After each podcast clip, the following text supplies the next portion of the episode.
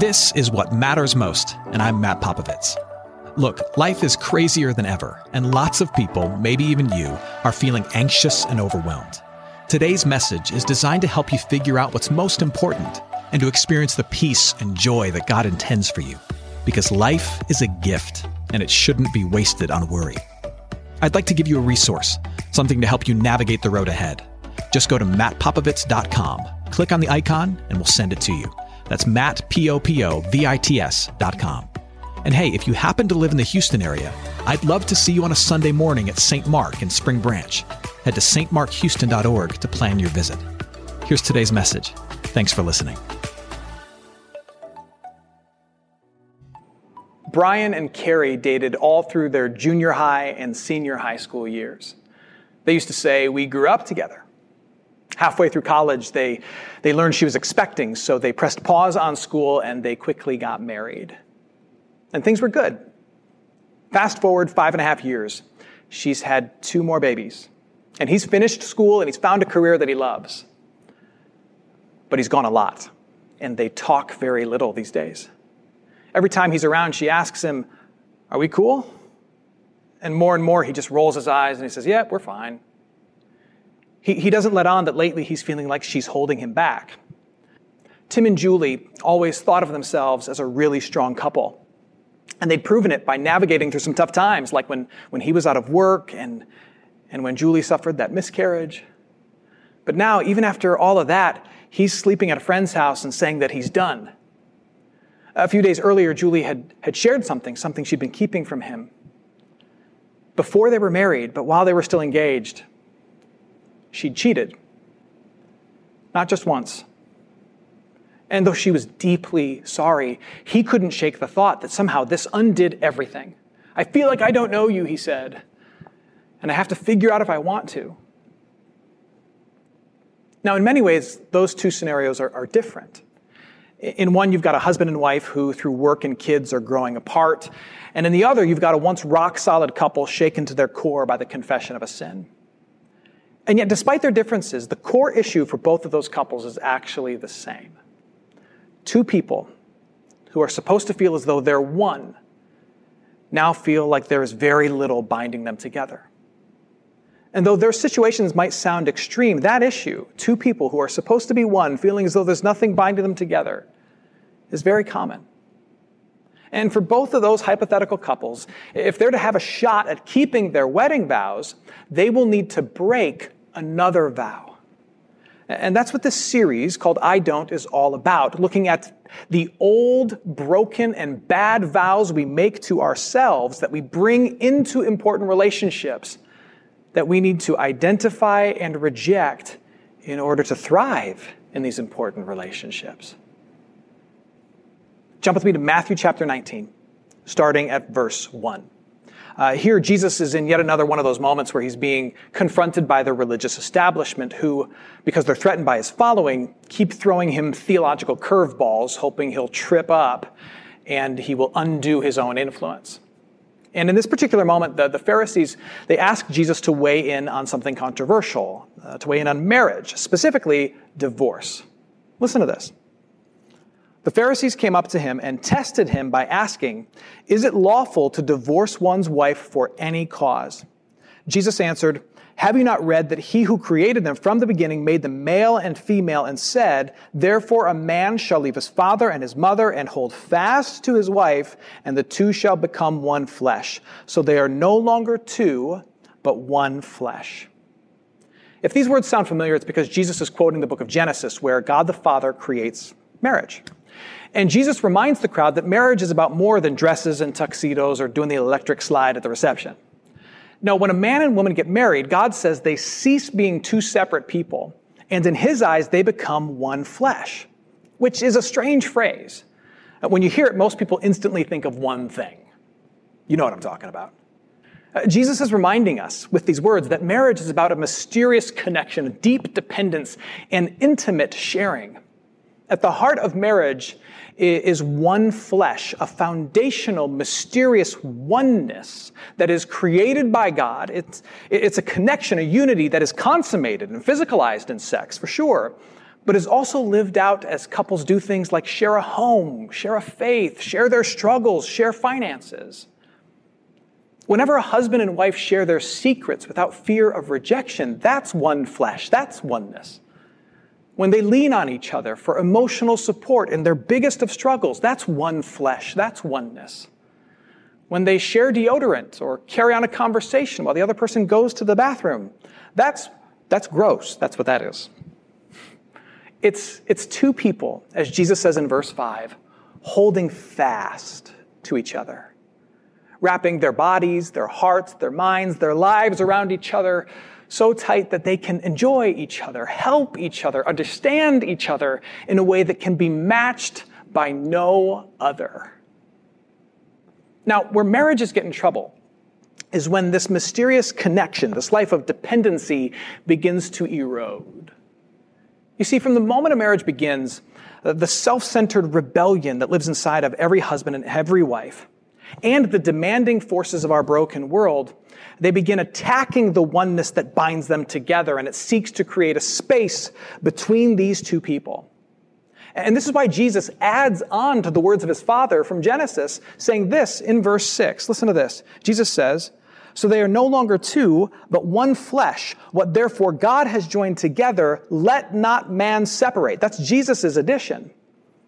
We talked about this space that can emerge between husbands and wives in week one. And if you missed that, I want you to go back and watch that sermon. Listen to that because it's very important. So important that it bears repeating today. I want you to imagine a man and a woman standing side by side and, and their arms are locked together. And that's meant to be a picture of marriage. But then in comes kids. And kids are a gift, but if you're not careful, rather than, rather than bring you together, they can push you apart.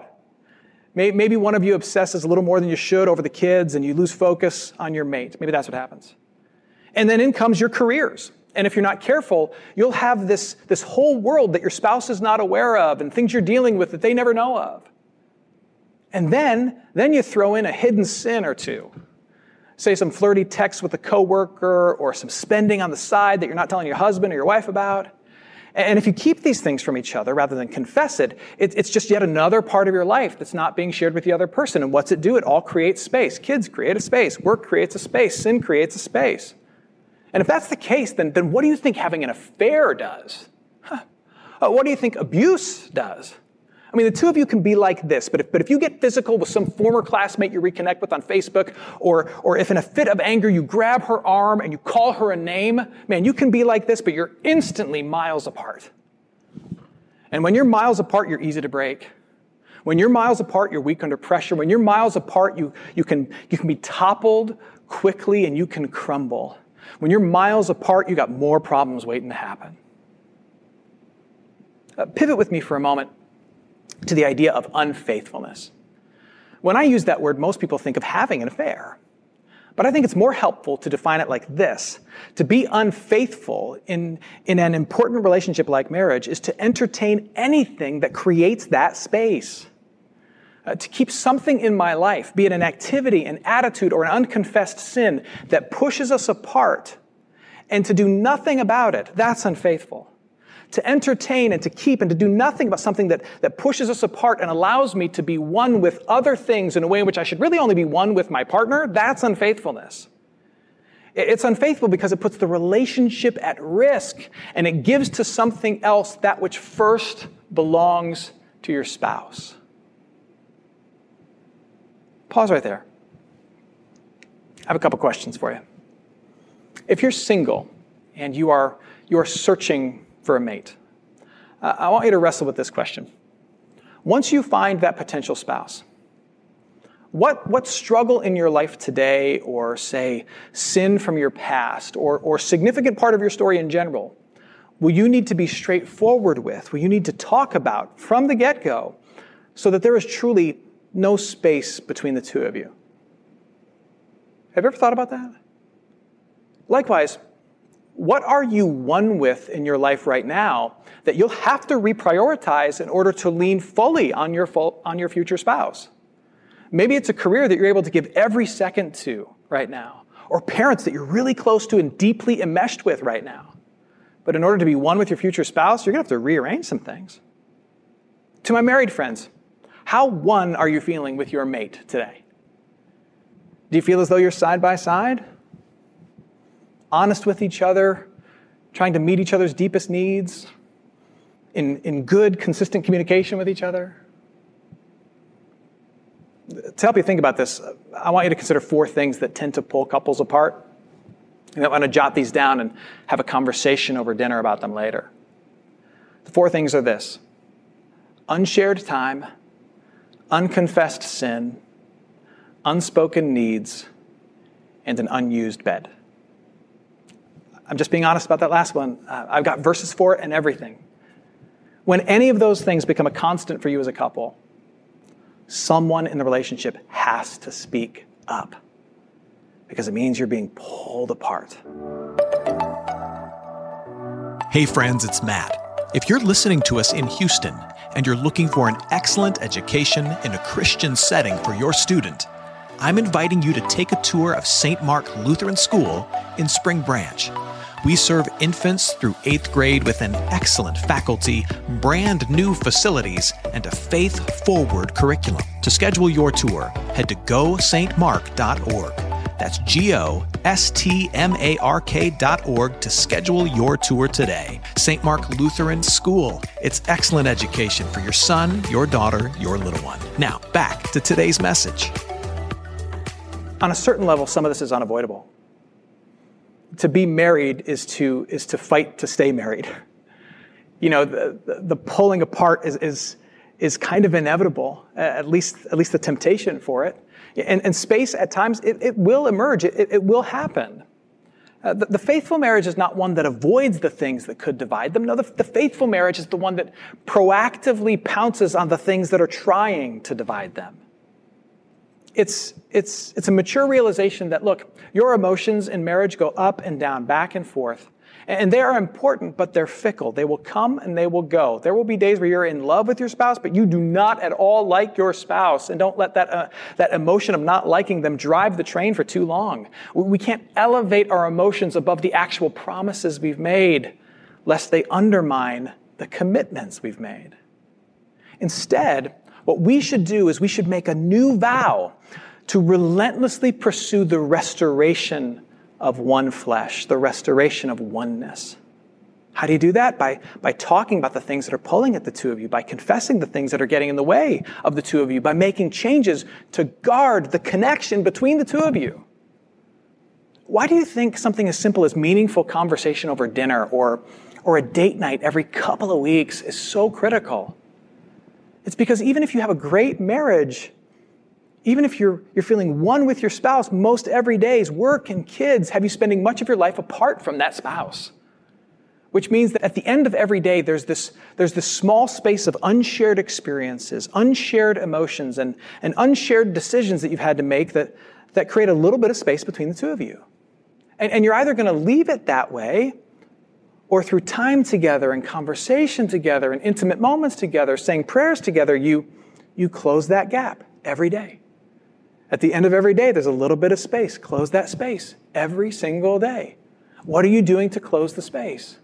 Relentlessly restore the oneness. And, and when you do that,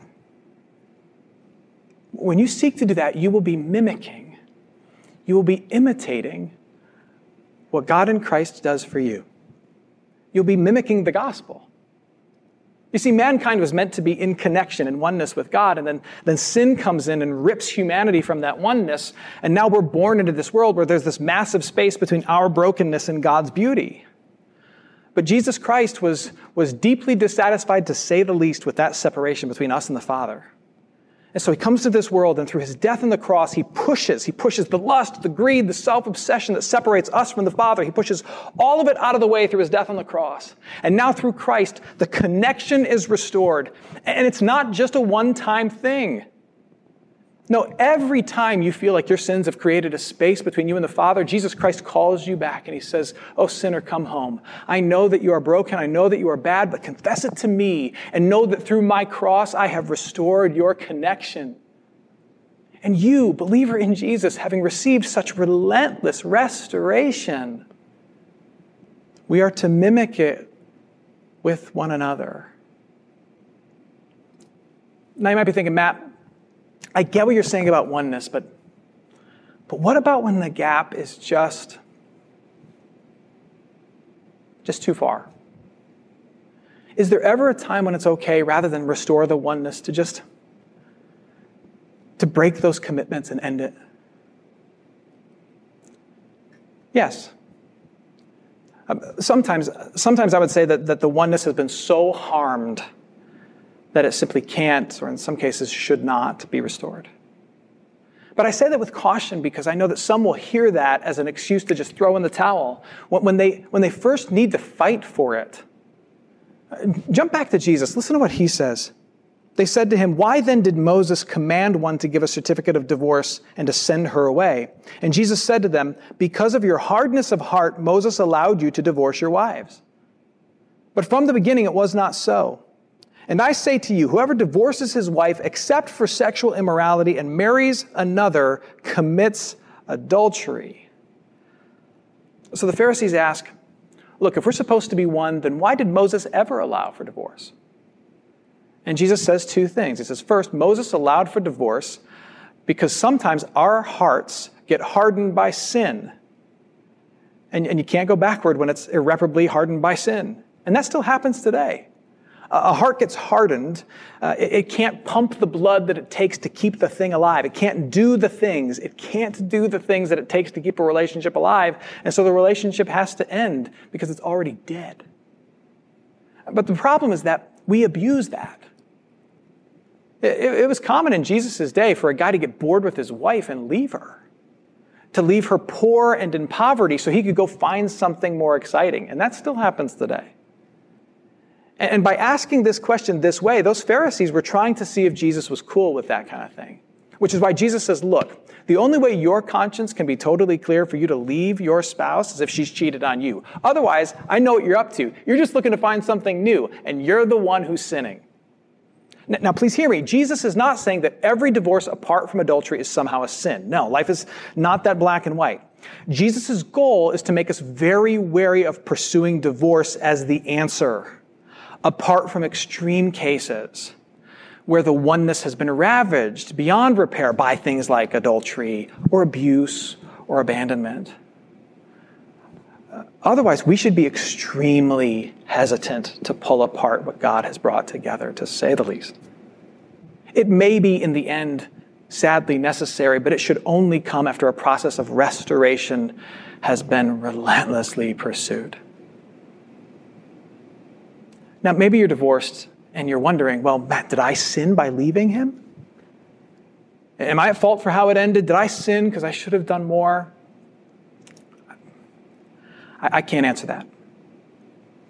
But, but here's what I do know I know that you are loved. You. You are loved. You are loved and cherished by God, and you are covered in the mercy that flows from Jesus. And here's what I would do if, if I were you. If I felt like I sinned, uh, if I was loaded with guilt, I would just confess it. Just confess it to God. Martin Luther used to say, here's how you know if you need forgiveness. Reach inside your shirt, and if you feel a heartbeat, repent. Ask for forgiveness for whatever went wrong. Make restitution with whoever you might have hurt, and know that because of Jesus Christ, your marriage may be over, but you are one with your God, and that relationship will never dissolve, and then move forward with peace. Uh, maybe you're not there. Maybe you're, you're married and you're just in one of those, those funks where you feel far from each other and you're starting to wonder just a little bit is, is this the way it's always going to be? I'm feeling bored. I'm feeling lonely. I'm feeling forgotten. I feel like I deserve something better. And if you're there, when you get there, remember this. I know it's hard, but fight for your marriage. Pursue your spouse. Call out the issues and then seek to repair it. But keep in mind that that repairing it, repairing oneness will require a sacrifice. It, it, it just always does. Repairing, restoring oneness always requires a sacrifice, and and it will require a sacrifice from you. Again, we see this demonstrated first for us in Jesus Christ. Look with me at 1 John chapter 4, verse 10. John says, This is love, not that we loved God, but that He loved us and sent His Son as an atoning sacrifice for our sins. Dear friends, since God so loved us, we also ought to love one another. God the Father saw the space between us and Him created by our sins. He noticed the problem, and, and out of love, He went first. Out of love, He sacrificed something of Himself in order to make things right with us. In the same way, if you notice a space between you and your spouse, you may have to make a significant sacrifice in order to make it go away, in order to make it better, in order for it to have a shot. It may be something simple like just sacrificing some of your me time every night to have some conversation of substance with her. It, it might be something bigger like sacrificing your pride and going to talk to the counselor that she's been seeing and that she's been begging you to join her at. It might be sacrificing your secrecy and confessing the sin that you've been holding in your heart and hiding from Him. It could be that you need to sacrifice your desire to be right and finally ask for forgiveness. It may mean taking a long, hard look at your career and the travel it requires, the toll it's taking, and saying, being one with her matters more. It always requires a sacrifice, and the day you're unwilling to make it, the day you're unwilling to even entertain it, that may very well be the day that your heart has become hard. Fight against that. Look, my friends, God has been faithful to you. He has let nothing stand between the two of you. Through the call of the gospel, He relentlessly bridges that gap and He keeps you close. That's what a faithful God does. And that's also what a faithful friend, a faithful spouse, a faithful relationship looks like. Do not let the world pull apart what He has brought together. Time and again, I, have sat with, with men and women who've decided to leave their spouses, sometimes for heartbreaking but understandable reasons, other times for this reason. They'll say to me, I fell out of love. To which I always reply, I'm not so sure about that. I think you just got satisfied with the space that grew between you. That's what happened. A space grew between you, and you filled it up with a commitment to your fickle feelings and you questioned the vows that you made on that wedding day, and you became comfortable with that. But it doesn't have to be that way. You can still break that old vow that says, I can question my commitments and be governed by these emotions right now that say my marriage doesn't mean anything. You can, you can reject that old vow so that you can be faithful to the important ones. If a space exists between you, squash it repair the oneness, and when it requires a sacrifice, make it. Remember all that God has given to you, and whatever it is, whatever you've got to let go of so the two of you can be back together, whatever you've got to let go of in order to be right with them, let go of it. Let go. Let's pray. Heavenly Father, we ask that you would give us the strength to keep our commitments, to protect the connection between husband and wife. And we lift up to you every important relationship that in its own way is founded upon oneness and closeness, and in its own way is threatened by selfishness and space between us. When a sacrifice is required to repair the oneness, lead us to that sacrifice and help us to make it we pray that you would give us a heart that relentlessly pursues the protection of these important relationships. And when we lack inspiration, when we fail in the effort, put Jesus before our eyes so that we might be forgiven once again and inspired to move forward. We pray this in Jesus' name. Amen. Hey, it's Matt. I hope you enjoyed what matters most. Here's what I need you to know life is a gift, and it shouldn't be wasted on worry. I want to help you figure out what's most important and to experience the peace and joy that God intends for you. So, for more content, you can head to mattpopovits.com. That's Matt, P O P O V I T S.com. There, you can also support this ministry as well as access your free resource, a little something to help you navigate the road ahead. I'd also love to see you on a Sunday morning. If you're in the Houston area, head to stmarkhouston.org to plan your visit. In the meantime, hit me up on Instagram at mpopovits or at facebook.com slash Ministries. Thanks for listening. Now go and hold tight to what matters most.